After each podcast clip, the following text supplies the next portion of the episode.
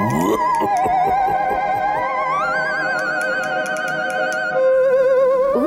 ale koszmar.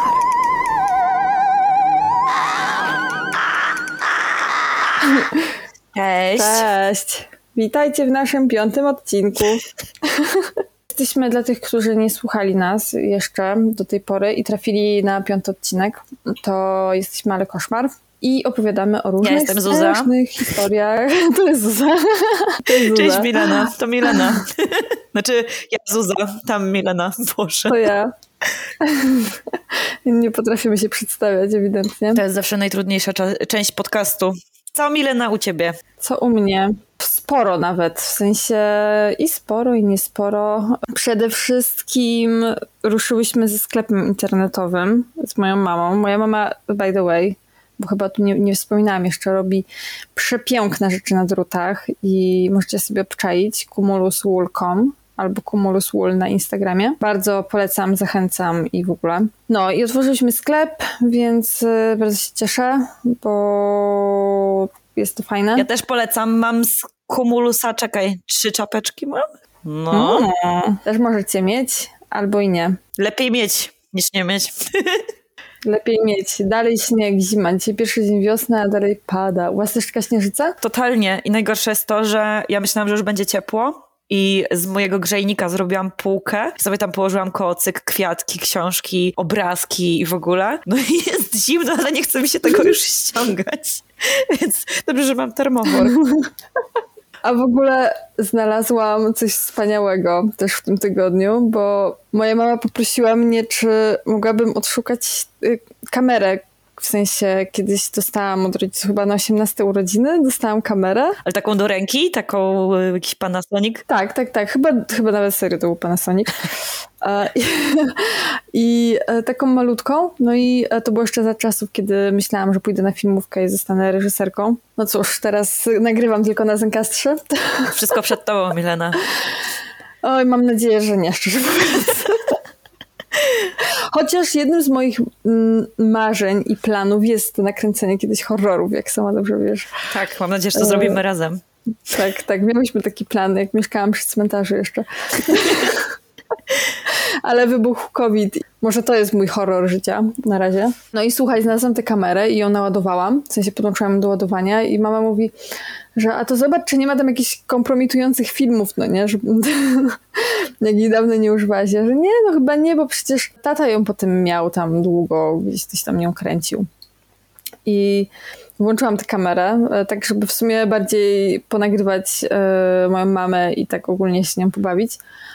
No i stara wyszłam w filmy i tam są filmy z 2009 roku, w ogóle z moich wycieczek z liceum, jest czasem jakieś nagrania z moim bratem, też jest moja mała kuzynka, która ma chyba 4 lata na tych nagraniach, więc w ogóle muszę, muszę to pozgrywać na kompa i sobie pooglądać. No w ogóle to było takie fajne. Właśnie muszę poszukać, czy nie mamy jakichś też wspólnych nagrań, bo okazało się, że ja bardzo dużo rzeczy kręciłam Wow. w ogóle. Takie odkrycie. No, no i tyle w sumie u mnie. A, i właśnie, ale chciałam cię oficjalnie zapytać na antenie, Uuu, robi się poważnie.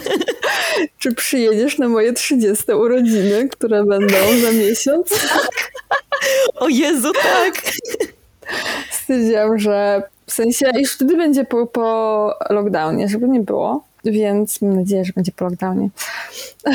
O Jezu, słodka trzydziestka. No, nie bez kitu, w sensie, kurde, nigdy nie sądziłam, że moją trzydziestkę będę spędzać, jakby, nie no, super, że będę ją spędzać z moją mamą i z moim narzeczonym, ale no, jakoś spodziewałam się, że będę bardziej gdzieś, nie wiem, najebana w klubie do 6 rano, tańczyła ze znajomymi i nie wiem, albo będę w Paryżu piła winko, albo we Włoszech, nie wiem, cokolwiek, po prostu nie, że będę siedziała na chacie w Kędzierzynie i nawet nie będę mogła wyjść, nie wiem, na pizzę. Nieźle jak te marzenia się zmieniają. Teraz to przynajmniej na pizzę bym poszła. No, ej, bez kitu, naprawdę. Ja ostatnio miałam tak, że już tak po prostu strasznie bym chciała zmienić miejsce, w którym jestem. Tak sobie pomyślałam, że bym chciała pójść, zrobić na przykład notatki do odcinka, do jakiejś kawiarni na przykład, zamówić sobie Mm. kawkę, posiedzieć i to porobić. No i też nie ma opcji w ogóle. A teraz zaczynam e, nowe zlecenie będę robić scenografię, będę robić liście na drzewa. I miałam to robić z kumpelą, ale ona gdzieś tam wyjeżdża, więc okazało się, że będę to robić jednak sama na chacie. Także jakby dalej będę siedziała w domu i dziubała tutaj jakieś rzeczy. No ale no co zrobić? Takie mamy Co czasy. zrobić? Życie w czasach zarazy. To co mi opowiesz dzisiaj, Milena?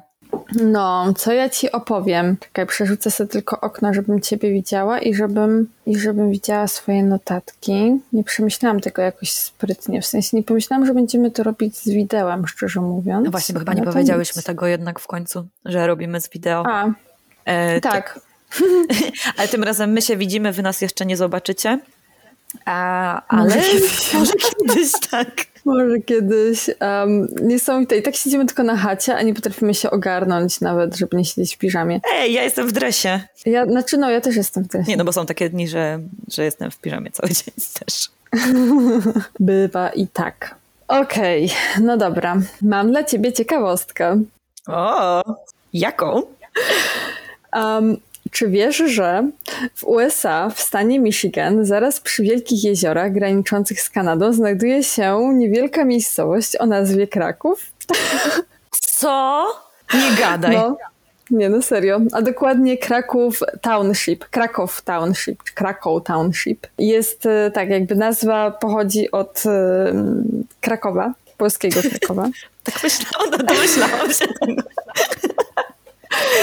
Zamieszkuje go około em, 700 osób na powierzchni 157 km kwadratowych, czyli U. bardzo mało na bardzo dużej. A przynajmniej e, tyle pokazała mi Wikipedia, że mieszkało w 2010 roku. Natomiast trochę bliżej nas, bo w Niemczech, na północy, w prowincji Rostock, znajduje się inny Kraków. Kraków am See, co oznacza Kraków na morzu What? Jeśli mnie przynajmniej Google Translate nie myli. I zamieszkuje go 3437 osób na powierzchni 87 km kwadratowych. Czyli dużo więcej na dużo mniejszej. Czekaj, czy się zbliżamy do polskiego Krakowa, czy... No pewnie właśnie, pewnie się zastanawiam. Więc um, czy ma to jakieś znaczenie? Nie ma. W zasadzie. Okej, ale bardzo mnie tym zaskoczyłaś, bo myślałam, że mieszkam w jedynym Krakowie na świecie, ale mieszkam w oryginalnym Krakowie, więc Tak, Styl. mieszkasz w oryginalnym Krakowie. Chociaż ten niemiecki też jest e, średniowieczny, ale chyba nie tak stary jak ten polski. No, ale tak czy siak, nasza e, historia nie będzie się toczyć ani w amerykańskim Krakowie, ani w niemieckim, ani nawet w polskim, ani nawet w Ameryce, ani nawet w Europie, tylko w Japonii. Okej. I co, w Japonii nie mają Krakowa? Nie, nie mają w Japonii Krakowa.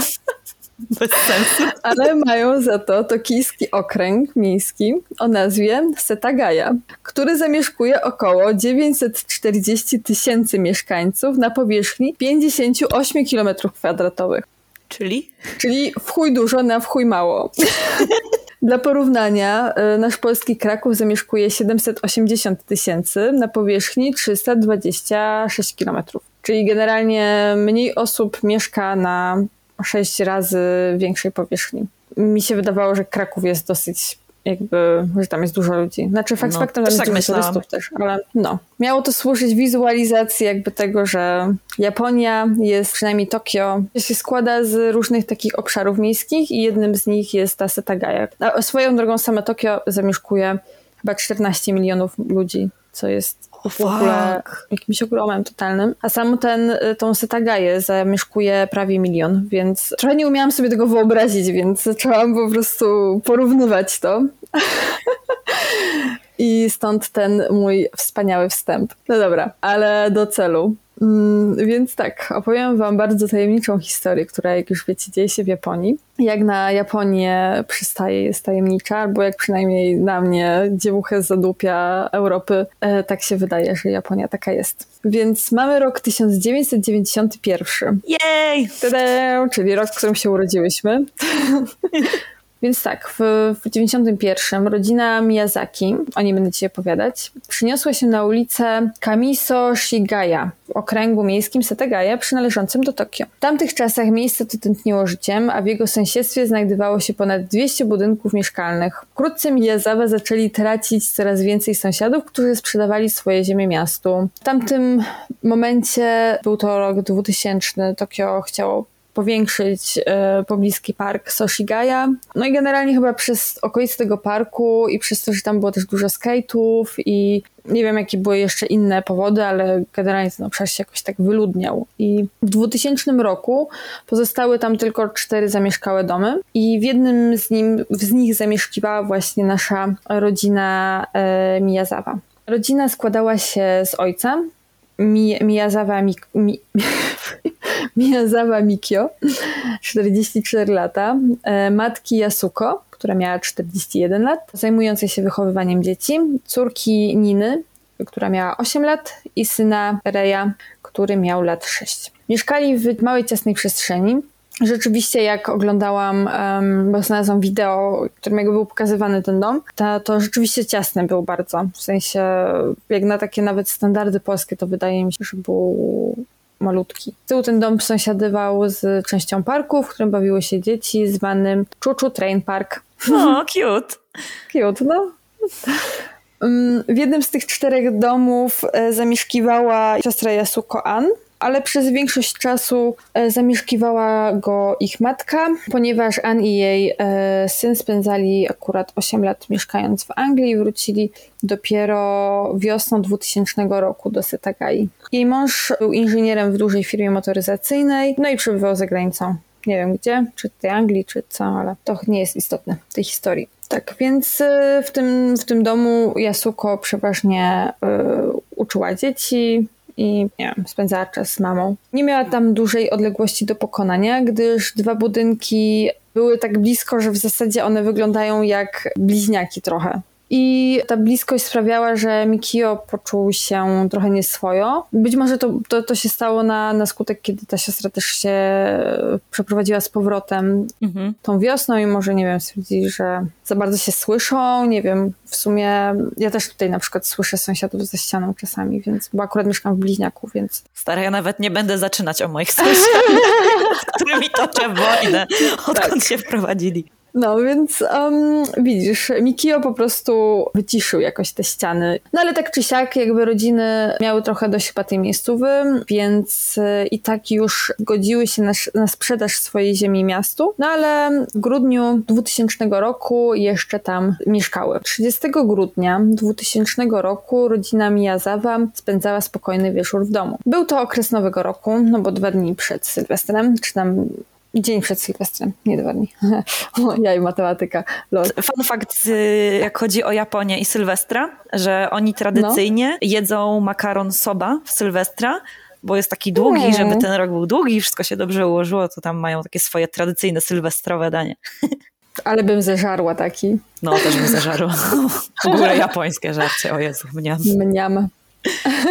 To być może przygotowywali sobie nawet e, makaron soba, kto wie. Wcześniej chyba, tak w każdym razie, bo wieczorem Mikio krótko surfował w internecie, co wiemy, ponieważ o 22.38 otworzył służbowego maila, który był zabezpieczony hasłem. Natomiast Yasuko oglądała telewizję. Po jakimś czasie dołączyła do niej młodsza, znaczy młodsza, jedyna córka e, Nina i wcale nie była młodsza, bo drugi y, dziecko Ray był młodszy i spał na górze. No i tak sobie spędzali wieczór. 31 grudnia, na drugi dzień rano, Matka Yasuko przyszła do domu e, około, do domu córki około 10 rano, żeby sprawdzić co z nimi, ponieważ e, nie mogła się do nich dodzwonić. Haruko, tak się nazywała mama, stała się podejrzliwa, więc postanowiła otworzyć drzwi swoim własnym kluczem, gdyż nikt nie otwierał również, kiedy dzwoniła na dzwonek. No i to, co zastała wewnątrz, niestety nie było niczym przyjemnym, gdyż ku swemu przerażeniu zaraz po wejściu znalazła zwłoki Mikio, ojca, który został zadzikany na śmierć. O e, I po chwili, znaczy po chwili, no, kiedy zaczęła się rozglądać po, po domu, niestety znalazła wszystkich członków rodziny zamordowanych. Y, Zwłoki Mikio, jak już przed chwilą wspominałam, leżały na parterze w okolicy schodów, natomiast ciało Yasuko i córki zostały znalezione na pierwszym piętrze w przejściu. Natomiast mały Rej został znaleziony martwy w swoim pokoju. No nie. No, niestety. W ogóle wrzucę na naszego Instagrama zdjęcia, bo jest ich dosyć sporo akurat do tego odcinka i będzie też plan domu, więc y, możecie sobie od razu teraz na przykład odpalić i e, spojrzeć. Może wam to trochę pomoże zwizualizować jakby scenerię i też zobaczyć w sumie taką ciekawostkę, no nie wiem, w sensie, dla mnie ten dom był dosyć nietypowy, bo właśnie był dosyć ciasny. Składał się tak jakby z parteru, e, gdzie był garaż i wejście i tam od razu było domowe biuro, po prostu biurka z, z komputerem i potem i schowek, jakiś taki magazyn schody na górę i tam była łazienka, pokój dzieci, kuchnia, salon i jakby sypialnia rodziców w ogóle była na strychu, gdzie się wchodziło i trzeba było rozłożyć taką drabinkę. W sumie u mnie też taka jest, e, nie wiem czy pamiętasz. Tak, pamiętam, jest creepy na max. Tak, no, no to oni dokładnie spali chyba na czymś takim, tak mi się wydaje, że, że to właśnie był tak zagospodarowany strych, że, że jest ta drabinka taka od sufitu. I tak, no jakby co się tutaj wydarzyło? Pytacie pewnie. Um, sorry, ten śmiech jest bardziej nerwowy, nie, nie, że mam bekę. Nie cisnę beki. Jak, jak cisnę bekę, to z siebie. Według naj, najpopularniejszej wersji wydarzeń, morderca włamał się do domu przez małe okienko w łazience na pierwszym piętrze. No i rzeczywiście to jest, jak e, spojrzycie na te zdjęcia, to to jest takie okienko podłużne, takie jakby przydzielone na pół. Wydaje mi się, że na lajcie dałoby się przez nie przejść. No i dodatkowym jakby takim faktem było to, że pod oknem znaleziono ściągniętą moskitierę i ślady butów, a w okolicy połamane gałęzie, więc jakby wydaje mi się, że... Znaczy jest jeszcze jakaś tam jedna teoria na temat tego wejścia do domu, ale ta wydaje mi się być najbardziej prawdopodobna i chyba jest najbardziej gdzieś tam potwierdzona przez policję. Po wejściu do domu sprawca udał się bezpośrednio do sypialni dzieci, w której spał mały Ray, gdyż znajdowała się zaraz obok łazienki. No i prawdopodobnie Ray był pierwszą ofiarą i jedyną zabitą przez uduszenie. Jedyną, która nie miała żadnych ran kłutych ani śladów krwi na ciele. Kolejną ofiarą był ojciec Mikio. Policja przypuszcza, że przed napadem pracował właśnie na parterze na swoim komputerze. Aha, a Milena, y, okno nie było wybite, nie? Ani nic takiego? Nie. Nie, nie, nie.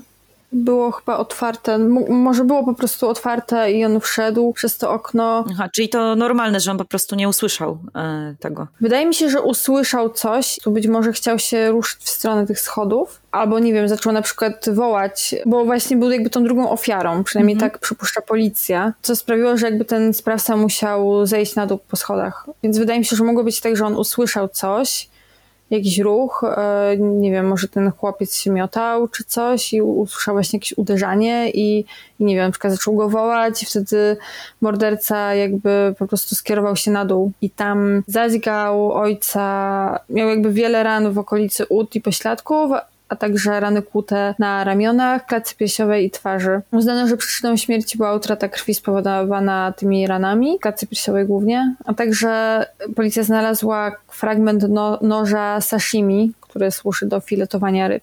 Czego się też dowiedziałam. Zastanawiałam się, co to za nóż. Ja wiedziałam, że sashimi to jest danie takie właśnie, że to są ryby filetowane, ale nie wiedziałam, że ten nóż się tak nazywa. A, no widzisz, no. Ja nie wiedziałam, że jest takie danie, także jak, jak zwykle się uzupełniamy fakcikami i informacyjkami. No ale ty nie jesz rybek, no to wiesz. No nie jem, nie jem. W każdym razie fragment tego noża został znaleziony w jego czaszce. Czy się złamał się jakby w jego czaszce ten Tak, nóż? tak, tak, dokładnie. Bo ten nóż w ogóle jest... Um, on jest dosyć wąski. On jakby, ja, ja nie znam się w ogóle jakby na nazwach noży. Nie wiem, czy w Polsce mam jakieś e, rozróżnienia, ale w sumie rzeczywiście u mnie w domu chyba rzadko się używa takich noży. On jest taki dosyć długi i dosyć wąski. Taki... No bo generalnie do mięsa w ogóle No. są dłuższe, węższe, a do warzyw są te takie y, grube, duże, co jak tasaki trochę wyglądają. Tak, no właśnie ja zawsze używam tych tasaków, gdyż no głównie kroję warzywa, więc używam takiego małego tasaka i takiego dużego tasaka, no ale nie wiem do czego służą tak naprawdę, po prostu. To jest moja improwizacja. Um, no tak, dobra. Ostatnimi ofiarami są oczywiście matka i córka, które spały razem na tym wcześniej wspomnianym przeze mnie strychu. Zostały wielokrotnie dźgnięte głównie w twarz i szyję najpierw tym złamanym nożem, a potem uniwersalnym nożem kuchennym, który musiał zostać zabrany z kuchni w ich domu. I być może właśnie w tym czasie, kiedy sprawca poszedł szukać jakiegoś innego noża, Yasuko zdecydowała się zabrać Ninę na ręce i ciężko krwawiąc zniosła ją po schodach, co musiało zostać zauważone bądź usłyszane przez mordercę i no i tam właśnie na dole przy tych schodach na pierwszym piętrze już jakby zamordował ostatecznie. Ostatnio zmarła Nina i przyczyną jej śmierci był uraz rdzenia kręgowego, szyjne, krę, kręgowego szyjnego spowodowanego kłutą raną w plecy. Dodatkowo brakowało jej pierwszego i trzeciego zęba, co sugeruje, że została nie tyle dźgnięta, ale też brutalnie popita. O oh, fuck. No, straszne. Policja znalazła też plamy krwi na futonie. Futon to jest taki naturalny materac do spania w Japonii. Tego też nie wiedziałam. Okazuje się, że nic nie wiem. I jakby to sugeruje, że właśnie tam jakby zostały zaatakowane, e, kiedy spały. Również na podłodze strychu leżała zakrwawiona chusteczka, której prawdopodobnie użyła Yasuko, by zatrzymać krwawienie Niny. Po zabiciu całej rodziny sprawca udał się do kuchni Miyazawich, wyjął z lodówki kilka małych kubków lodów i zamiast zjeść je łyżką, jak normalny człowiek, to ściskał te pojemniki tak od góry i gryzł te lody. Czekaj, zabił rodzinę, wziął sobie lody? Tak, zabił rodzinę i poszedł do lodówki zjeść lody. I ogólnie chyba jeszcze jakieś tam jedzenie, ale zjadł te lody i to w jakiś taki dziwny sposób, że po prostu jakby je tak chyba wyciskał. What? To mi się w głowie zmieścić nie chce. Podobno również wypił bardzo dużo herbaty jęczmiennej, mimo że miał do wyboru kole i piwo, co sugerowało policji, że być może jest abstynentem, bo nie wybrał piwa. Z jednej strony tak, z drugiej strony nie wiem, jakby absolutnie nie wiem, co się robi po zabiciu całej rodziny i czy się ma ochotę na piwo, czy się ma ochotę na herbatę. Moim zdaniem to nie jest, jakby nie sugeruje abstynencji. Tak, no chyba nie ma reguły w ogóle przy czymś takim. No. Też tak mi się wydaje. To jest tak absurdalne, że I don't know. No i w kuchni znaleziono też opatrunek, którym próbował zatamować ranę na prawej ręce. A, czyli jego krew też była tam na miejscu? Tak, była na pewno na ręczniku. Następnie przeszukał rodzinne dokumenty z magazynu na parterze. Też możecie sobie zobaczyć na tej mapce. Wyjął wszystkie szuflady i zabrał jedną z nich do łazienki na pierwszym piętrze. Wrzucił wnętrze szuflady do wanny i tak samo zrobił z dwoma torebkami Yasuko i portfelem Mikio kluczami do domu i jakimiś tam innymi dokumentami. Dziwne. No, na maksa. Część z nich również wrzucił do toalety, której, uwaga, wcześniej skorzystał i nie spłukał wody. Fu. Co? No, for real. Dobra, muszę zapytać, jedynka czy dwójka? No, dwójka. Um, I tak, no, wyrzucił tam też inne właśnie przedmioty. Ej, ale w ogóle przecież normalnie, znaczy normalnie, no. wydaje mi się, że mordercy starają się nie zostawić śladów ani biologicznych, ani niebiologicznych przy morderstwie, a gościu wali dwójkę, żre lody, wypija herbatę. Co się no, dzieje? Ewidentnie doesn't give a shit. Albo nawet give a shit. Dosłownie. A i tam też właśnie zostawił w tej łazience mm, ten e, ręcznik umazany własną krwią i pusty kubek lodów. Wszystko to jest na maksa dziwne. O pierwszej 18 połączył się z internetem, z komputera Mikio, w którym utworzył nowy folder i odwiedził stronę teatru, którą Mikio miał y, zapisaną w zakładkach. W jednym artykule natknęłam się na informację, że próbował zakupić bilet, ale zrezygnował z tego. A szkoda. Why not? No i dzięki temu y, też wiemy, że nadal był w domu Miyazawich bo zapisała się ta jego aktywność na komputerze. Co ciekawe, mm, drugie połączenie komputer zarejestrował około godziny 10 rano. Jednak policja wierzy, że mogło się to wydarzyć przypadkiem, kiedy mhm. babcia weszła do mieszkania i mogła przypadkiem potrącić myszkę i uruchomić ten komputer. No bo tak jak mówiłam właśnie, to było tak, że jest wejście, jest, są te komputery mhm. i są schody, więc mogła zobaczyć leżącego Mikio, podbiec do niego i strącić tą myszkę na przykład, no nie? We never know. No tak, no więc jakby, jak już wspomniałam, sprawca zostawił jakby mnóstwo śladów mnóstwo w ogóle DNA, no i lol kupa. Ale to nie wszystko, bo oprócz tego zostawił całe swoje ubranie, łącznie z butami i torbą, taką nerką, w ich salonie na sofie. Nie. I teraz tak, ta torba to była taka oliwkowo-zielona saszetka. Ale czekaj, on wyszedł goły stamtąd jakby? To sugeruje, że... Czy że miał jakieś... Nie, nie. Wydaje mi się, że wziął jakieś ubrania albo z tego domu, albo miał jakieś ubranie. Na pewno nie wyszedł goły. W sumie dobre pytanie. Nie sprawdziłam tego. To, to już jest tak dziwne, Milena, że jakby wyszedł goły, to będzie, a okej. Okay. Wydaje mi się, że jak kiedyś słuchałam podcastu, który opowiadał tej historii, to wydaje mi się, że tam było wspomniane, że wziął ubrania tego Mikio, ale nie chcę wprowadzać w błąd, mhm. więc sprawdzę to i może wrócę do tego w następnym odcinku. No dobra, więc tak, co tam zostało e, z tych rzeczy? Była ta saszetka, taka oliwkowo-zielona, na takie, no takie klipsy, stosunkowo mała i była sprzedawana w Japonii od września 95 do stycznia 99 roku. Kosztowała niecałe 30 dolarów i została wyprodukowana w Korei. W testach na światło UV znaleziono ślady czerwonego środka fluorescencyjnego, prawdopodobnie z długopisu, a także ciemne pasma włosów sprawcy. Saszetka wywołała też wiele kontrowersji, ponieważ e, znaleziono w niej piasek pochodzący z południowo-zachodniej Ameryki prawdopodobnie z Nevady. Kolejnym elementem był e, zielony szalik w kratę, taką jakby szkocką. To był najtrudniejszy element do ustalenia jakby skąd pochodzi, bo nie wiadomo kto go wyprodukował i nie wiadomo gdzie został sprzedany, ale według informacji, które otrzymała policja, został prawdopodobnie rozdawany jako gratis w jakimś, nie wiem, centrum handlowym, salonie gier. Kolejnym e, elementem były buty, białe sneakersy. Takie teraz byłyby modne bardzo. tak myślę. Były wyprodukowane przez brytyjską markę Slazenger. Ten model był wyprodukowany w Korei Południowej, ale był sprzedawany zarówno w Korei, w, Kore, w Korei, jak i w Japonii. Aczkolwiek tylko Korea Południowa sprzedawała but w rozmiarze sprawcy. I mamy więc jakby drugą rzecz pochodzącą mhm. już jakby z Korei. Kolejnym elementem był t-shirt, taki long sleeve, takie bardzo basicne ubranie. Aczkolwiek podobno w Tokio tylko 10 z nich zostało sprzedanych, a jeśli chodzi o cały kraj, to zaledwie 130. Więc pewnie ta marka też jakby konkretna, nie wiem, mm, mimo wszystko, że to taka jakby podstawowa rzecz, być może, nie wiem, była z jakiejś konkretnej marki, ale nie mam tutaj akurat zapisanego, z czego to było. No ale myślę, że nie będziemy prowadzić aż takiego szczegółowego do, dochodzenia. Oprócz tego element stroju, który jakby pozostawił po sobie włamywacz, była to taka szara czapka, kapelusz, to się chyba nazywa bucket hat. Taka y, rybacka jakby. Aha, no wiem, wiemy. No, teraz też jest bardzo modna. Oprócz tego miał czarną, ocieplaną kurtkę firmy Uniqlo, czarne rękawiczki w jednym rozmiarze. Pelusz był sprzedawany od września 1999 roku do, do listopada 2000.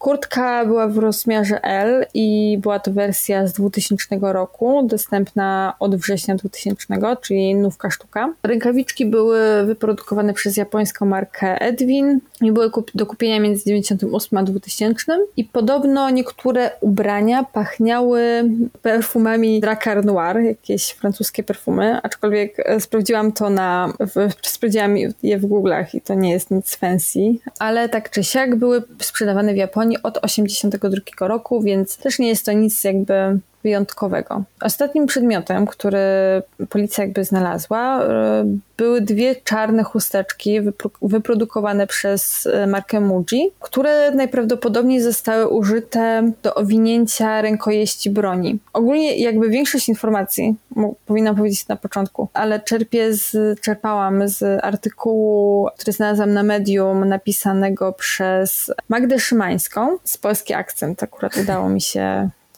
odnaleźć w tym całym dziadostwie. Ten artykuł był o tyle spoko, że autorka chyba zna japoński i po prostu sprawdziła parę rzeczy porównując je z japońskimi źródłami, więc wydaje mi się, że jest dosyć wiarygodny cały ten artykuł, dlatego głównie na nim gdzieś tam bazowałam. No i na przykład udostępniła też wideo tego, jak jakby z tej strony policji, jak um, prawdopodobnie używało się, jak sprawca używał tych chusteczek, co było w ogóle dla mnie super, jakieś takie dziwne i creepy, w ogóle creepy jest to wideo, bo te chusteczki są, nie wiem, wielkości takiej zwykłej chusteczki do nosa. Ale materiałowe?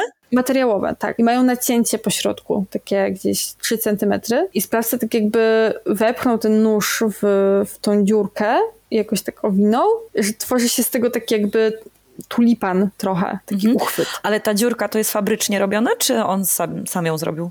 Nie, chyba sam ją zrobił, bo według e, informatorów tokijskiej policji ta technika jest stosowana przez chińskich pracowników fabryk, które obrabiają ryby, żeby zapobiec ślizgania się noża podczas czyszczenia e, owoców morza. Aha, czyli mamy ten nóż do sashimi, do ryb i mamy tą chusteczkę, która też jest trzymana tak jak pracownicy w rybnych, nie wiem, rzeźniach rybnych? Nie, No, nie wiem. Tak, tak. No, ewidentnie jakby wiedział jakby dużo o obróbce ryb chyba, no bo to jest naprawdę charakterystyczne. Jak gdzieś też tam wrzucę link do tego filmiku. To jest bardzo creepy to wideo, bo ten policjant po prostu tak idealnie to robi. Jest taki jeszcze szum w tle, wiesz, takiego po prostu biura, e, w którym jest cisza, więc um, no nie wiem, jest to takie bardzo niepokojące. W ogóle policja stworzyła tak jakby manekin całej tej postaci, jak mogła być ubrana. Ja, znaczy jak była ubrana, bo zostawiła to ubranie. No i w sumie jak się na to patrzy, to to jest taki totalnie modny ziomeczek z dzisiejszych, jakby dzisiejszych czasów. No bo jakby ten kapelusik, no i też jakby te ciuchy, no nie wiem, w sensie, to też jest jakby Japonia. I nie wiem na ile to jest właśnie u nich takie basic po prostu ubranie się w 2000 roku, no bo w Polsce na pewno i w ogóle wydaje mi się, że w Europie w Muji i w Uniqlo właśnie kupują raczej takie cool osoby powiedzmy, przynajmniej w Warszawie i tak mi się wydaje, że w Berlinie, znaczy tacy minimaliści, że takie podstawowe rzeczy. Z drugiej strony Uniqlo i Muji to są też takie japońskie sieciowy po prostu. No tak, że dla nas to jest jakieś tam egzotyczne, Tak. a dla nich to jest totalnie normalne. Jak u nas Pepko. PHP Krystyna SBZO. Krystyn Pol. Więc y, kim był ten tajemniczy mężczyzna? Policja miała bardzo dużo dowodów, jak już y, wspomniałam, ale brakowało tylko świadków. Mieli dwie rzekome obserwacje. Pierwsza z nich pochodziła od kobiety, która twierdziła, że była w pobliżu miejsca zbrodni, prowadząc samochód gdzieś po godzinie 11.30 i nagle zauważyła mężczyznę, który wypadł z sąsiedztwa Miyazawich i wskoczył pod jej samochód. Udało mu się uniknąć jej pojazdu i uciekł. No ale ta informacja została odrzucona przez policję, ponieważ nie znaleźli żadnych śladów krwi na ulicy. Co jakby w sumie ma sens. Trzeba pamiętać, że to jest okolica, w której kręci się dużo skate'ów i oni tam jeżdżą se na deskorolkach i w ogóle. Także jeśli ta stylowa była czymś takim popularnym w tamtych czasach, a wydaje mi się, że mogła być, bo te bucket haty jednak kojarzę z tamtych czasów, że były modne. To mogło być takie totalnie basicne ubranie młodego typiarza, no nie? W tamtych czasach, więc who knows. Druga obserwacja miała miejsce dzień po morderstwie. Mężczyzna z raną na ramieniu został zauważony na stacji Tobuniko, e, około drugi- dwóch, trzech godzin drogi od e, Setagai i tam otrzymał leczenie od pracownika stacji. Ale też policja nie uznała tych informacji za pomocne, gdyż rana tak głęboka, że widać było kość, nie pasowała do po- policyjnego obrazu stanu sprawcy. Pamiętam, że właśnie w And That's Why We Drink e, Christine mówiła o tym, że policja też odnotowała gdzieś jakiś przypadek mężczyzny, który był opatrzony w szpitalu, ale nie podał swojego imienia i nazwiska, jako że korzystał chyba z prywatnej opieki zdrowotnej. I to pasowało jakby do tego wizerunku sprawcy, ale jakby nikt go nigdzie nie zarejestrował i on po prostu przepadł. No i ostatni trop, y, który jest chyba najbardziej em, rzetelnym tropem, było nagranie z supermarketu przed morderstwem, bo został zauważony mężczyzna e, pasujący jak do tej stylowy w pobliżu północnego wyjścia ze stacji Kichiyoji. Przepraszam, jeśli mówię to źle. I mm, było to dwie stacje dalej od Kubo, czyli to, to była ta stacja przy domu chyba, tam gdzieś niedaleko tego domu ich. I tam właśnie zostało zakupione narzędzie zbrodni. O, No dobra, więc mamy narzędzie zbrodni, mamy odciski palców, mamy krew, odcisk buta, kupę. kupę. Kurde, mniej wystarczało już zdecydowanie, żeby kogoś skazać. Mamy grupę krwi, która mm, została określona jako grupa krwi A. A swoją drogą nawet została określone jego pochodzenie, bo prawdopodobnie, że są korzenie europejskie ze strony matki i koreańskie mhm, mhm, A? ze strony ojca. Natomiast opierając się na sile fizycznej potrzebnej do wspięcia się na płot i uzyskania dostępu do okna na piętrze, policja stwierdziła, że sprawca ma od 15 do 35 lat i jest wzrostu około 1,70 m. Natomiast na podstawie pasma włosów znalezionych w jego saszetce stwierdzono, że miał włosy ciemnobrązowe lub czarne. E, i krótkie. Którzy jeszcze tam spekulowali, że intrus miał doświadczenie wojskowe ze względu na styl chodzenia, czyli takie małe kroki z plecami przybitymi do ściany, ale według jednego ze śledczych mogło to po prostu, mógł tak po prostu chodzić dlatego, żeby uniknąć poślizgnięcia się po zakrwawionych schodach. No i no i tak, no i jeszcze pozostaje kwestia tego, co zostawił po sobie w toalecie. Um, więc co ciekawe, ustalono, że zabójca dzień wcześniej zjadł fasolkę szparagową i nasiona sezamu. Oh, fuck. To jest aż za dużo informacji. Tak, to jest mega dużo informacji, ale mimo wszystko nie udało się ustalić, kim był morderca. Co? To jest największy fuck w tej historii. Jedyne, czego on tam nie zostawił, to jest siebie samego chyba. Tak, mógł sobie ewentualnie zrobić nie wiem, zdjęcie albo zostawić własny dowód. Nie, ale serio, rzadko kiedy jest historia, kiedy y, morderca zostawia tak strasznie dużo śladów. Jakby zostawił wszystko totalnie bezczelnie w ogóle.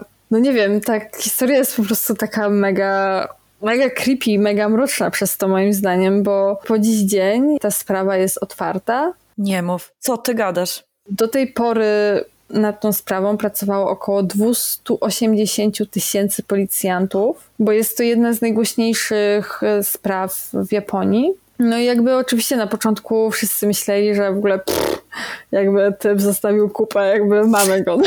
Ja też tak myślałam. Ja po prostu czekałam, aż mi powiesz, co to za typ i w ogóle jakby...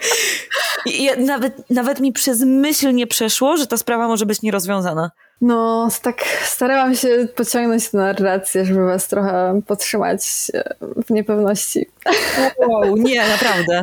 Ale, ale tak, jakby jest to w ogóle wielka zagadka, e, kim był ten, ten koleś, bo nie było go w żadnym, w żadnym po prostu rejestrze, nic nie udało się jakby określić. A jeszcze takie charakterystyczne rzeczy, że y, jest matka Europejką, ojciec Koreańczykiem, co miał na sobie. Wiek, odciski palców, ślady stóp, buty, które były jakieś mega też y, rzadkie w sumie. No nie wiem, po prostu jakby wszystko, co nie? Um, typ jest duchem. Do tej pory nie udało się go nawet nawet chyba nie było nikogo podejrzanego takiego. No bo nie było nikogo, kto by miał interes chyba w zabijaniu tej rodziny. No bo oni tak na początku pomyślałam, jak mówiłaś, że oni mieli tam ten dom sprzedać. Na początku pomyślałam, o, to, że może ktoś, y, kto chciał, żeby oni sprzedali, ale powiedziałeś, że oni się zdecydowali to sprzedać. Więc tak naprawdę... Była jakaś teoria, znaczy może się nie zdecydowali, rzeczywiście, nie, nie jestem pewna. Wydaje mi się, że tak, ale też natknęłam się na jakieś tam źródło,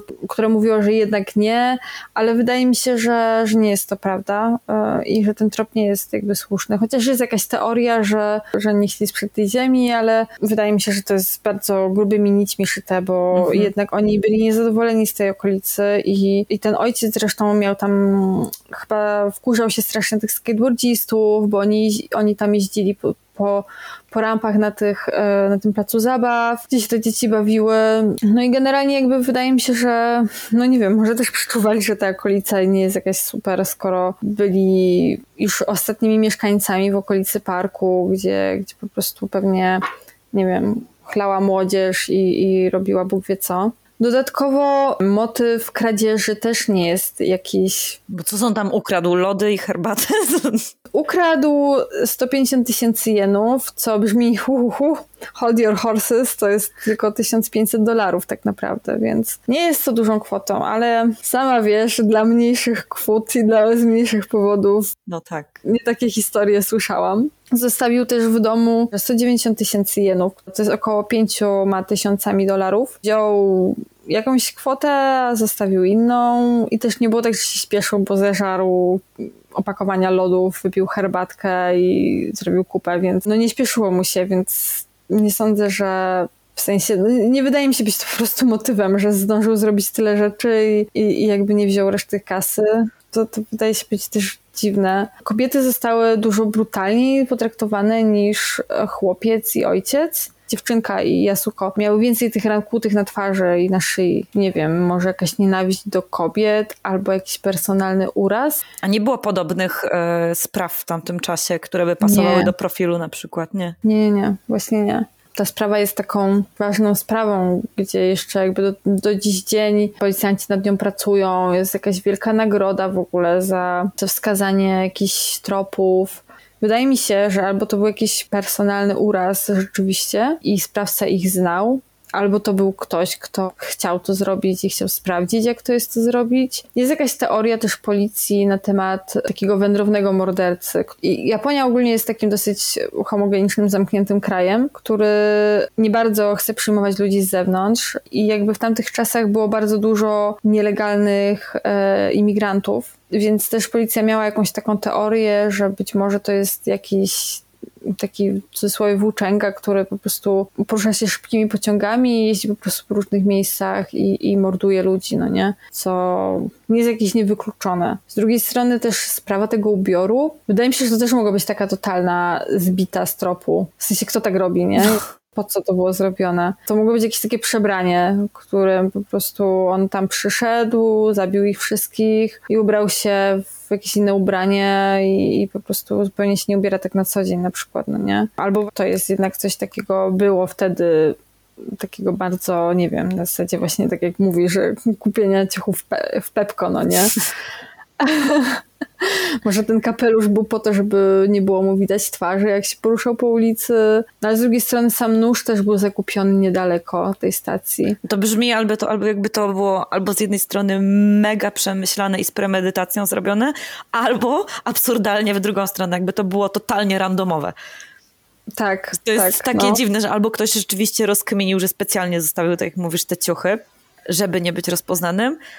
Z drugiej strony brzmi to tak psycho z tymi rzeczami, które on tam wszystkie zrobił i to, że siedział i myślał, myślał czy sobie kupić bilety do teatru. Tak neurotycznie w ogóle to brzmi. Po prostu i nie wiem, może, może, go, może go zdenerwowały te ubrania po prostu, że były brudne na przykład i, i chciał się ubrać coś czystego i stwierdził, że po prostu to w dupie i jak ściągnie je, jakby w sensie ewidentnie się niczym nie przejmował, nie? Więc to jest takie super dziwne. To oczywiście ciężko gdybać, nie wymyślę teraz rozwiązania nienawiść tokijskiej policji. Hej, wiem co się stało. Właśnie przeczytałam kilka artykułów i totalnie wiem co się stało. Ej, ale zajebista ta twoja historia. Tak naprawdę czekałam po prostu, aż mi powiesz, co to za typu. Nie, nie wierzyłam, że to może być nierozwiązane. Nawet mi to przez myśl nie przeszło. No, spoko. Właśnie skończyłam. Tak, teraz łyk piwa. Are you ready? Mhm. For this sick shit? Lubię ten moment. Ja też. No dobra. Ja ci opowiem taką y, dosyć znaną historię, jak chodzi o straszne historie, bo to jest taki trochę banger. I na pewno coś tam słyszałaś, bo nie wierzę, że nie. I opowiem ci dzisiaj o skrzynce Dybuka, czyli Dybuk Box. Ej, chyba tego nie znam. Naprawdę? O, no to, to fajnie. To No. poznasz. No ale zanim przejdę do tej takiej głównej historii, to chcę ci tak e, troszeczkę nakreślić w ogóle o co chodzi. Ta skrzynka Dybuka jest uznawana za jeden z dziesięciu najbardziej nawiedzonych przedmiotów na świecie. Wow. Mhm. Najpierw ci powiem, co to jest Dybuk. No. I Dybuk pochodzi z hebrajskiego i to słowo dosłownie oznacza przylgnięcie. Uuu. I odnosi się do właśnie opętania czy zawładnięcia ciałem żywej osoby przez ducha zmarłego. Czyli jak mówimy o dybuku, no to mamy do czynienia jakby z dwoma duszami w jednym ciele. Czyli z jakby właścicielem tego ciała oryginalnym i z tym dybukiem. To jest takie dosyć ciekawe, że na przykład w kulturze chrześcijańskiej, w której no ja byłam wychowana, to chyba też gdzieś tam, nieważne czy w tym siedzimy czy nie, ale jakby to znamy gdzieś tam najbardziej, to w kulturze chrześcijańskiej, jak mówimy ogólnie o opętaniach, tak jak ty mówiłaś w ostatnim odcinku, to zawsze chodzi o opętanie przez demony. że w chrześcijaństwie masz tak, że jakby po śmierci twoja dusza, dusza człowieka, który kiedyś żył, albo idzie do nieba, bo byłaś grzeczna, albo idzie do piekła, bo byłaś niegrzeczna, albo idzie do czystek, trudno powiedzieć. A właśnie według e, kultury żydowskiej dybukami mogą zostać dusze osób, które przez to, że właśnie były grzeszne za życia, chcą odkupić swoje winy i one tak jakby się chcą oczyścić, przez co wchodzą jakby w ciało osoby, która aktualnie żyje. I oprócz y, tych grzesznych osób, to dybukiem też może zostać osoba, która na przykład przedwcześnie zmarła.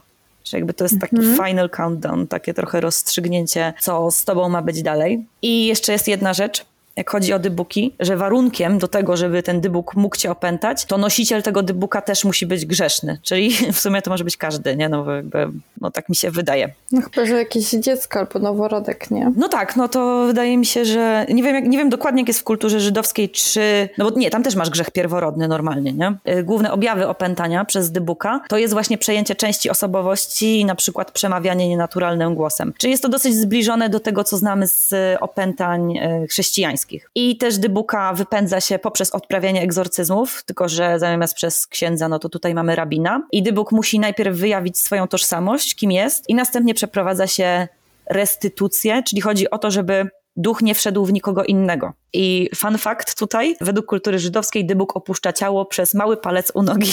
E, Ale oprócz tego, co ci teraz powiedziałam, jest jakby jeszcze jeden inny rodzaj dybuka i tą historię, którą ci opowiem tutaj raczej dotyczy tego drugiego rodzaju dybuka. Chodzi tutaj jakby w, tej, w tym drugim rodzaju, że to dotyczy głównie kobiet i wtedy to nie musi być dusza zmarłego, tylko dybukiem jest nazywany demon, który czyni podobno z tej opętanej czarownicy. Nie wiem dokładnie w jakim znaczeniu, no ale taką informację znalazłam. Termin dybuk pojawił się pierwszy raz w 1680 roku w tekście pisanym w języku jidysz na Wołyniu, a samo zjawisko było już opisywane w średniowieczu. Też jeszcze dybuki przejawiają jakby szczególną aktywność w noc Jom Kippur. To jest e, żydowskie święto, taki dzień e, pojednania, sądny dzień. W tym roku wypada to między 15 a 16 września. No, więc jak już trochę o tym wiemy, to przenosimy się do roku 2001, w którym pan Kevin Manis poszedł na wyprzedaż majątku w Portland w stanie Oregon. I wszystkie przedmioty, które na tej aukcji były wyprzedawane, należały do kobiety, która niedawno zmarła, miała, jak zmarła miała 103 lata i wyprzedaż przeprowadzała jej wnuczka. Opowiedziała Kevinowi o tym, że jej babcia, czyli ta właśnie zmarła, miała na imię Hawalech, Hawa- Hawalech, chyba to się nie czyta, to nie, H jest chyba nieme na końcu, i urodziła się w Polsce. Tutaj też się wychowała, założyła rodzinę do czasu, kiedy była zesłana do nazistowskiego obozu koncentracyjnego podczas II wojny światowej. Niestety nie, znalaz- nie znalazłam informacji, skąd dokładnie była i do którego obozu została wysłana, bo tak się zastanawiam, że czy to nie był Kraków przypadkiem. Tak gdzieś tam mi chodzi to po głowie, że mógłby to, mógł to być Kraków, ale niestety nie udało mi się do tej informacji dotrzeć. Ta Hawale, ona jako jedyna ze swojej rodziny przeżyła w ogóle obóz koncentracyjny, którym niestety straciła rodziców, Jezu. braci, siostrę, męża, dwójkę synów i córkę. Matko. Była jedyną e, ocalałą. Po tym, jak udało jej się, e, nie wiem tylko, czy to ona uciekła z tego obozu, czy to było po wyzwoleniu, pojechała do Hiszpanii, gdzie podobno e, kupiła właśnie skrzynkę na wino, którą na tej aukcji właśnie kupił Kevin. Jedyne rzeczy, jakie ona ze sobą przywiozła do Stanów z Hiszpanii, kiedy wyemigrowała, bo z tej Hiszpanii później przeniosła się do Stanów, to była właśnie skrzynka, ta na wino, kufer i przybory do szycia. Kevin oprócz e, skrzynki kupił też te przybory do szycia i kilka mebli, no bo Kevin prowadził wtedy sklep z e, takimi antykami, gdzie zajmował się też renowacją mebli. No i po prostu, wiesz, kupował różne rzeczy, renow- renowował? Re- ja nie wiem, jak to powiedzieć. Odnawiał. Odnawiał meble i je później sprzedawał. I jak już e, ta aukcja się skończyła, no to jeszcze wnuczka Haveli, chyba tak mogę odmieniać, e, podeszła do niego i powiedziała, że ta skrzynka który, na wino, którą kupił, to ona się nazywa skrzynka dybuka. Wie, bo tak babcia nazywała tę skrzynkę. Zawsze ją trzymała w swoim pokoju i ta skrzynka zawsze była zamknięta. To jest w ogóle takie dziwne, że ona tej skrzynki nie otworzyła, nie? Bo e, wiesz, tam mogły być nie wiem, ja pierwsze co myślałam, hajs może tam był, albo złoto, albo nie wiem co. Brylanty. Diamenty. Skarpety. Albo skarpety babci. Ale właśnie też mu powiedziała, że ostatnim życzeniem jej babci było to, żeby ją pochowali razem z tą skrzynką dybuka, ale niestety to było wbrew zasadom tradycyjnego żydowskiego pochówku, no więc jej życzenie nie zostało spełnione. No więc Kevin, jak usłyszał tę historię, to chciał przy niej otworzyć tę skrzynkę i zobaczyć, co tam jest, ale ona się nie zgodziła na to. No ale też on był tak poruszony trochę tą historią i spytał, czy ona nie chce jednak tej skrzynki zatrzymać sobie i że on nie chce zwrotu pieniędzy, bo po prostu widzi, że ten, ta skrzynka ma dla niej jakąś tam wartość sentymentalną. I ona podobno wtedy y, najpierw mu stanowczo odmówiła, a później się wkurzyła i zaczęła krzyczeć, że w ogóle nie, nie chcemy tego, po czym się popłakała. Dziwne. No to Kevin po prostu wziął skrzynkę i wyszedł. Nie wiem. By... Teraz będzie Kevin sam w domu. Teraz będzie Kevin nie sam w domu. Już nigdy nie będzie sam w domu. W każdym razie Kevin jak wrócił z tej aukcji, poszedł do tego swojego zakładu i tam miał pracownię taką w piwnicy. No i zostawił tam tą skrzynkę. Uznał, że ją odnowi, to będzie super prezent dla mamy na urodziny. Moja też by się pewnie ucieszyła z y, skrzynki na wino. Mhm. Albo z wina bardziej by się ucieszyła. Kevin zostawił tę skrzynkę w piwnicy, no i pojechał załatwiać jakieś tam sprawy na mieście a w zakładzie y, została jego pracownica. Minęło chyba pół godziny jakoś i ta y, ekspedientka jego tam zadzwoniła do niego na komórkę i była totalnie przerażona. Zaczęła tam mówić, że ktoś się włamał do pracowni, bo ona słyszy, jak ktoś tłucze szkło i przeklina. I nie mogła się w ogóle wydostać z tego, bo wszystkie drzwi były pozamykane. Więc Kevin stwierdził, że dobra, już dzwoni na policję. Jak tylko chciał zadzwonić, to dziwnym trafem jego telefon się rozładował tak momentalnie, więc pojechał tam, żeby ją, jej pomóc, nie, jak najszybciej po prostu. On chyba tam mówił, że jechał 160 na godzinę w ogóle, bo większość tych informacji, które tutaj mam, to jest bezpośrednia relacja Kevina. Uuu, fajnie. No. I jak przyjechał do sklepu, to zauważył, że rzeczywiście wszystkie bramy były pozamykane. W końcu jednak wszedł. Ta jego pracownica była zapłakana i taka jakaś zwinięta, wiesz, w, w rogu tam pomieszczenia. Więc on pobiegł do piwnicy, zobaczyć, co się dzieje. Pierwsze, co zauważył, to był jakiś taki dziwny zapach. I mimo tego, że w sklepie nie było żadnych kotów, to powiedział, że czuł wyraźnie zapach kociego moczu. Taki bardzo intensywny, charakterystyczny. Jak ktoś ma koty, to myślę, że zna ten zapaszek. Chciał włączyć światło i nie mógł zapalić światła. Okazało się, że wszystkie żarówki są porozbijane. Dokładnie było to 9 jarzeniówek i 10 świetlówek. Na podłodze było pełno szkła, a w piwnicy nikogo nie było. Więc Kevin poszedł na górę, żeby pogadać z tą pracownicą. Czy on no? sam wlazł do piwnicy? Tak. Dlaczego ludzie to robią? Ale stara, ja, ja pewnie też, znaczy... Wlazłabyś do piwnicy, w której byś myślała, że jest jakiś włamywacz? No nie wiem. nie wiem. No Kevin to był taki postawny chłop raczej, znaczy jest. No, jakbym była może postawnym Kevinem, to może, ale... no, może ja bym nie weszła, ale jakby rozumiem, co nim też kierowało, nie? Po prostu chciał zobaczyć, o co chodzi. Um, ja sobie I... bardzo nie chciała zobaczyć, o co chodzi. Jak tam wyszedł z tej piwnicy, to chciał pogadać z tą pracownicą i jej już nie było. Po prostu uciekła stamtąd i już nigdy do tego zakładu nie wróciła. No i to ja bym tak właśnie zrobiła. Ale stara, ona tam pracowała dwa lata, bo jakby jej praca, no dobra, coś tam się wydarzyło, ale po prostu nie chciała z nim o tym gadać, po prostu nie wróciła nigdy już na to miejsce. Kevin na początku nie połączył tego wydarzenia z zakupioną wcześniej skrzynką na wino, co mnie też nie dziwi, bo pewnie też bym tego nie połączyła taki sposób. No w sumie czemu miałby tak? Tak, no kupuje jakieś śmieci, kupuje pełno tych śmieci, no to... Tak, no jak prowadzisz sklep z antykami, no to masz mnóstwo takich. Prędzej byś przypuszczała, że to będzie jakaś, nie wiem, rzeźbiona szafa albo jakiś fotel, w którym ktoś umarł, lustro, jakiś skrzynka w winie. No ale właśnie, jako że miał plan sprezentowania tej skrzynki swojej mamie, no to dwa tygodnie później zaczął y, ją odnawiać. No więc ją otworzył. I jak ją otworzył, to w środku co znalazł? Znalazł e, dwie monety, dwie monety ze Stanów, US. Mm. Jedna była z 1928 roku, druga była z 1925. Był też, to jest creepy trochę, pukiel blond włosów spięty wstążką. Uh. Granitowa tabliczka z napisem Shalom, jeden ususzony pączek róży, mały złoty pucharek, i taki e, specyficzny świecznik, ale nie ten taki żydowski, tylko po prostu świecznik, który był czarny i miał nóżki w kształcie macek ośmiornicy.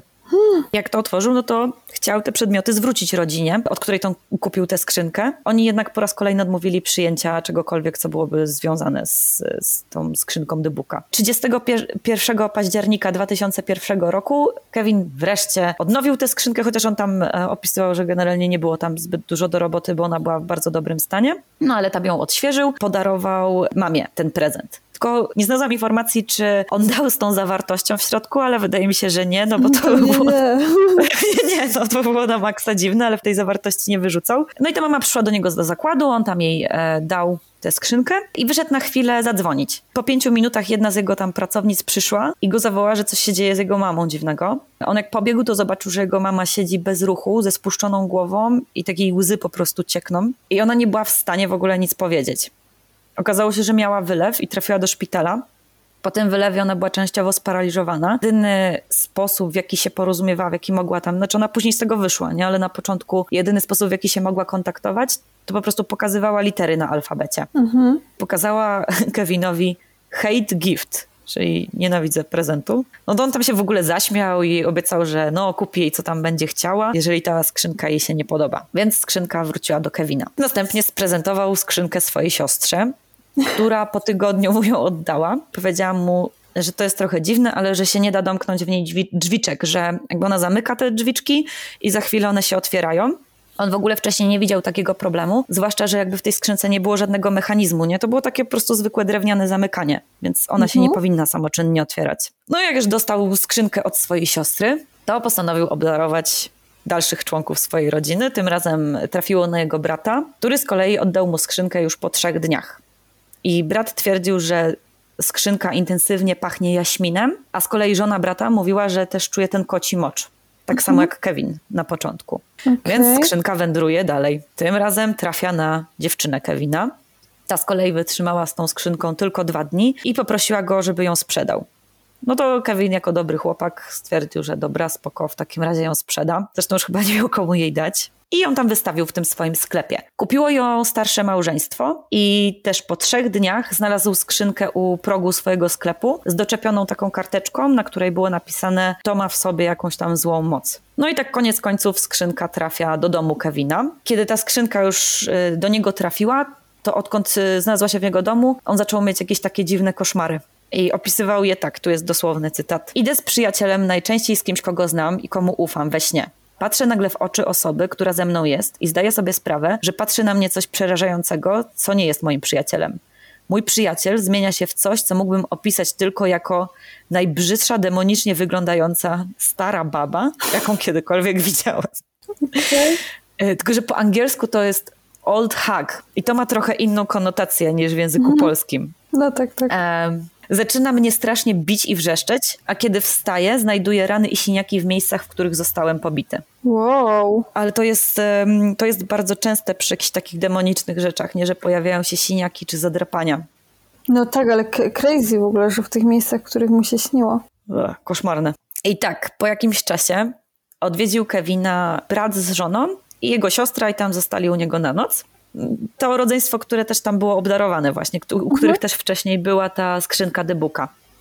No i później tam sobie jedli śniadanko i przy śniadaniu siostra Kevina zaczęła opowiadać, co jej się śniło nocy i okazało się, że opisała dokładnie to samo, co się śniło Kevinowi. I wtedy ten brat z siostrą w ogóle, wiesz, też popatrzyli po sobie, że oni mieli ten sam sen. Dokładnie to samo. I to jest pierwszy moment, w którym Kevin zaczyna nabierać podejrzeń dotyczących skrzynki Dybuka. Więc zadzwonił do swojej dziewczyny z pytaniem, czy miała kiedyś taki sen. I okazało się, że tak, że miała dokładnie taki sam dzień przed tym, jak oddała mu skrzynkę. Wow. Że jakby to był, to był taki jakiś dla niej element, że, że chciała się jej pozbyć. Po tym wszystkim, e, znaczy po tej sytuacji to zaczyna nabierać tempa, dokładnie po tygodniu. Kevin opowiadał, że on zaczął widzieć jakby tak kątem oka cieniste postacie. Jezu. I również to zauważali goście, którzy go odwiedzali. Że też mówili, że widzą jak O nie, jest okropne. O, obrzydliwe, muszę się napić. Więc wreszcie przychodzi moment, kiedy Kevin wreszcie uznaje, że jest to creepy i przenosi tą skrzynkę z domu do składziku na dworze, no bo już wiadomo, by nie chciał mieć jej przy sobie. I w nocy, kiedy y, przeniósł ją, tego, ją do tego składziku, obudził go alarm przeciwpożarowy. No właśnie z tego miejsca. I kiedy poszedł zobaczyć, co się dzieje, nie było żadnego ognia, nie było żadnego dymu, tylko znów poczuł ten e, taki bardzo intensywny zapach kociego moczu. I już wiedział, że jest na pewno totalnie coś nie tak. Zaczął szukać w internecie jakichś informacji na temat dybuków, s- czy, czy tych skrzynek dybuka czy w ogóle jest coś takiego. No ale że był zmęczony, to zasnął przed kąpem. Obudził się o 4.30 i on to opisywał, że obudził go jakby taki zimny oddech na karku O, fuck. i też poczuł właśnie intensywny zapach jaśminu. W ogóle nie znalazłam jakby mm, odniesień nigdzie, dlaczego jaśmin, czy dlaczego, dlaczego koci mocz. Co jest dziwne w ogóle, bo jaśmin jest uznawany za kwiat, który jest darem od Boga. Więc to jest też takie hmm. trochę no, e, dziwne. nietypowe. Jak poczuł ten, ten zapach jaśminu i ten zimny oddech na karku, to kątem oka zobaczył gigantyczną, czartą postać. Chciał na nią popatrzeć na wprost, tak, to ona zniknęła. O, Nic fuck. tam nie było. I ja tą całą historię, to mam w ogóle, to jest opis Kevina, bo on wystawił tą skrzynkę na eBayu bo chciał się jej pozbyć albo oddać skrzynkę tą z całą zawartością, nawet za darmo, nie? tylko żeby ktoś to wziął. I w innym źródle, y, jak chodzi o genezę tej skrzynki, to z Kevinem, tylko że to już było po tym, jak on to wystawił na eBayu, y, z Kevinem skontaktowała się Sophie, która była kuzynką tej Haveli, czyli tej e, babci. On, nie, oni się chyba tam spotkali i ona opowiadała mu, że ta skrzynka tak naprawdę powstała, kiedy ona i Havela wywoływały duchy, używając tabliczki Ouija. Typical. Dokładnie. Ale to właśnie było międzywojnie i wtedy to, było, to była taka bardzo popularna forma rozrywki, wywoływanie duchów. Mm, jasne. Podobno nawiązały wtedy kontakt z czymś, jak ona opisuje, z innego świata i czuła, że przywołały coś niesamowicie, jakąś taką negatywną energię. I najbardziej creepy jest to, że powiedziała, że to miało miejsce 10 listopada 1938 roku, czyli to jest ten sam dzień, co Kryształowa Noc, czyli pogrom Żydów w nazistowskich Niemczech. O Jezu. Po II wojnie światowej udało się im jakby, bo one wcześniej próbowały tego demona gdzieś zamknąć, to się nie udało i dopiero udało się to po II wojnie światowej, że zamknęły tego demona właśnie w tej skrzynce po winie. I w trakcie rozmowy z Kevinem e, Sophie zaczęła przepraszać. Tak strasznie zaczęła go przepraszać. On w ogóle, że ale o co chodzi, za co ona przeprasza? Powiedziała, że ona się czuje winna, że przez to, co zrobiły, wybuchła druga wojna światowa.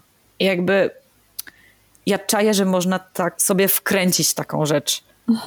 Że wiesz, zrobiły taką głupotę, no bo wywoływały duchy, po czym dzieją się te wszystkie straszne rzeczy. Więc ona jakby przez całe swoje życie się obwiniała, że to jest ich wina. Więc masakra. No nie, nie, nie, nie uważam, że tak było, No. ale gdzieś tam e, czuję, że tak można, że ona Jezu, po prostu no, czuła straszne. Brzemię przez całe swoje No życie. nie, no to się zaczęło wcześniej trochę. Tak, dokładnie, ale wiesz, ona żyła z takim przeświadczeniem. To jest, no to musi być na maksa creepy. No jeśli ta skrzynka była taka creepy i ją w sumie spotkało, nie wiem, jeśli to jest prawda, no to można sobie pewnie wkręcić, nie? No, ale właśnie tę wersję Kevin poznał później, no bo jak skrzynkę kupował, no to nie miał pojęcia, on nawet nie wiedział do końca, co to jest The Book. I w sumie ta wersja jakby nie mówiła oczywiście o tym wywołaniu II wojny światowej, ale ta wersja z wywołaniem, e, z wywoływaniem duchów i z zamknięciem w tej skrzynce jest jakby najbardziej pasująca do tego, co się działo. No i tak jak mówiłam, Kevin wystawił tą skrzynkę na eBayu i kupił ją jakiś student za 140 dolarów. Okej. Jak ja byłam studentką, to ze 140 zł nawet bym pewnie nie kupiła, znaczy w ogóle bym nie kupiła nawiedzonego przedmiotu, ale okej. Po niecałym roku skrzynka dy- Dybuka znowu trafiła na aukcję. No z tego samego powodu, co wcześniej. Czy nie było tak, że ten, kto kupił tę skrzynkę, no to przy, przede wszystkim spotykała go jakaś tam seria nieszczęść. Kolejnym nabywcą był Jason Haxton, który w 2011 roku opublikował, y, napisał książkę, gdzie opisał i historię Kevina i swoje doświadczenie. I na podstawie tej książki w 2012 roku powstał film Possession. Po polsku jest chyba opętanie, ale nie jestem pewna. W którym w ogóle demon mówi po polsku. Nie wiem, czy widziałaś ten film. Pewnie widziałam, ale nie pamiętam. No, ja widziałam go bardzo dawno temu, ale mm, ja ten film zapamiętałam właśnie przede wszystkim po tym, że y, pierwszy raz, to był kiedy pierwszy raz w horrorze widziałam takie polskie odniesienie, że ten demon mówi po polsku i to było takie dla mnie wow. Wiesz, Wiadomo, demony pochodzą z Polski. dalej tu są w Dalej większości. są w większości. I mamy rok teraz 2016 i skrzynka Dybuka trafia w posiadanie nikogo innego jak samego Zaka Bagansa z Ghost Adventures. gdzie została eksponatem w jego nawiedzonym muzeum, bo takie muzeum prowadzi. I na przykład, jeżeli chciałaś zobaczyć tę skrzynkę, to po pierwsze musiałaś mieć ukończone 18 lat i po drugie musiałaś podpisać zgodę, że robisz to na własną odpowiedzialność i że nie będziesz tam mieć żadnych roszczeń jakby. Okej. Zak też, jak na Zaka w ogóle niesamowite, bo wystawił ją zamkniętą, co jest dobrym rozwiązaniem, jeżeli tam jest jakaś demoniczna, jeżeli tam jest jakiś demon, czy w ogóle jakby demoniczna siła, nie wiem. Ale nie ufmy, hop. ponieważ rok temu wybuchła pandemia, a Zak był na kwarantannie i się nudził. Więc co Zak postanowił zrobić? Postanowił otworzyć skrzynkę i zobaczyć, co tam, jak tam demon się ma i czy wszystko spoko. No i oni wypuścili taki spin-off, nie wiem, czteroodcinkowy, pandemiczny. I Zak opisuje to tak, że po pierwsze, skrzynka Dybuka wiedziała, że mam zamiar ją otworzyć. Nie zostałem zaatakowany, nic mi się nie stało, tylko coś poczułem. Jej moc. Dla mnie to było przyjemne uczucie. Okej. I po czym tutaj jest typowy Zak, Zak, który mówi pewnie mnie nie krzywdzi tak jak innych, bo wie, że ja jestem jej właścicielem. Na pewno. I później znowu mówił, że trudno to opisać, ale dla mnie to uczucie to coś przyjemnego. Cóż, może dziwny ze mnie facet. Jakby nie da się z tym nie zgodzić. I jeszcze z takich odwołań, znaczy z takich rzeczy, które współcześnie z e, tą skrzynką The Booka są związane, to nie wiem, czy znasz takiego muzyka Post Malone. Tak. To on uważa, że on ma na sobie klątwę skrzynki The Booka, bo był tam u Zaka i ją dotknął. Po tym, jak ją dotknął, to miał wypadek w swoim Rolls Royce i jego dom został obrabowany.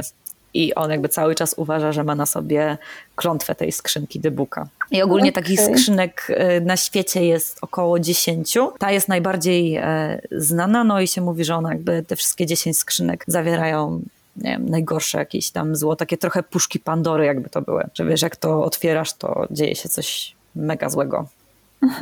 I to na tyle. Uuu, to było creepy. Powiem ci, że dla mnie ta historia, po pierwsze, wiem, że nie znalazłam tej informacji, ale nie wiem, jakoś po prostu czuję, że to pochodzi z Krakowa. No jak jakiś stary śmieć, to na pewno z Krakowa, z hali targowej. Na pewno. Ale też mieszkam w kamienicy, która należała do handlarza win, więc tym bardziej mnie jakoś tak historia O, tak. wow. Znaczy, on po prostu był właścicielem tutaj i nie trzymał tych win. No tak domyślam. Ale mimo wszystko, tak, to jest kamienica z 1911 roku. Wow. Więc ta historia gdzieś tam dla mnie jest trochę taka cringe'ująca, bo w pewien sposób jakoś em, bliska. No tak. O kurde. To był odcinek. No. O Jezu, sorry. Ziewam, bo już północ jest, słuchajcie. Godzina duchów. Godzina duchów. Przede wszystkim godzina, w której muszę się położyć, bo jutro idę do roboty. No to dzięki wielkie za to, że nas znowu posłuchaliście i posłuchałyście. I do usłyszenia. A czekaj, Milena, jeszcze chciałam pozdrowić naszych słuchaczy na emigracji, bo. e, Tak, wszystkich na- naszych słuchaczy. Tak, oczywiście, wszystkich. Oczywiście pozdrawiamy wszystkich, ale widziałam właśnie na naszej tam aplikacji, że mamy słuchaczy w Irlandii, Niemczech, Wielkiej Brytanii i Australii, więc pozdrawiamy serdecznie. Jej, jej, I jej. naszych słuchaczy nie na emigracji też pozdrawiamy. Jej, dziękujemy Wam bardzo, że słuchacie tego pitolenia i może Wam się nawet podoba. No i jeszcze raz przypominamy, jeżeli macie jakieś historie, to nam piszcie na alekoszmarmałpa.gmail.com i możecie nas zaobserwować na Instagramie i na Facebooku i na YouTubie. Tak? Tak. Tylko na Twitterze nas nie ma. Ja nie wiem, ja nie korzystam z Twittera. Korzystasz z Twittera? Ja też nie. Nie wiem, Polsce się chyba jakoś tak bardzo nie korzysta, ale nie wiem. Jeżeli byście chcia, chcieli, żebyśmy założyły koszmarnego Twittera, to też nam dajcie znać, bo jakby, nie wiem, może to by było spoko. Nie otwierajcie pudełek, które są z Krakowa i są stare. Tak. Prawdopodobnie śmierdzą i są nawiedzone. My się kiedyś w liceum włamaliśmy do jakiegoś opuszczonego domu i właśnie wzięliśmy jakieś zdjęcia i się okazało, że tam były zdjęcia pośmiertne ludzi. Naprawdę? Gdzieś to chyba mam jeszcze na chacie. Co ty mówisz? I znalazłam też jakąś książeczkę do nabożeństwa z XIX wieku. Wow! I masz to? No, I nie budzisz się o 4.30? nie. A może zacznę właśnie. Nic nie stuka, nic nie puka, nic nie drapie, nic nie gryzie? Nie. A zresztą ja tak mocno śpię, że nawet demony mnie nie budzą, więc...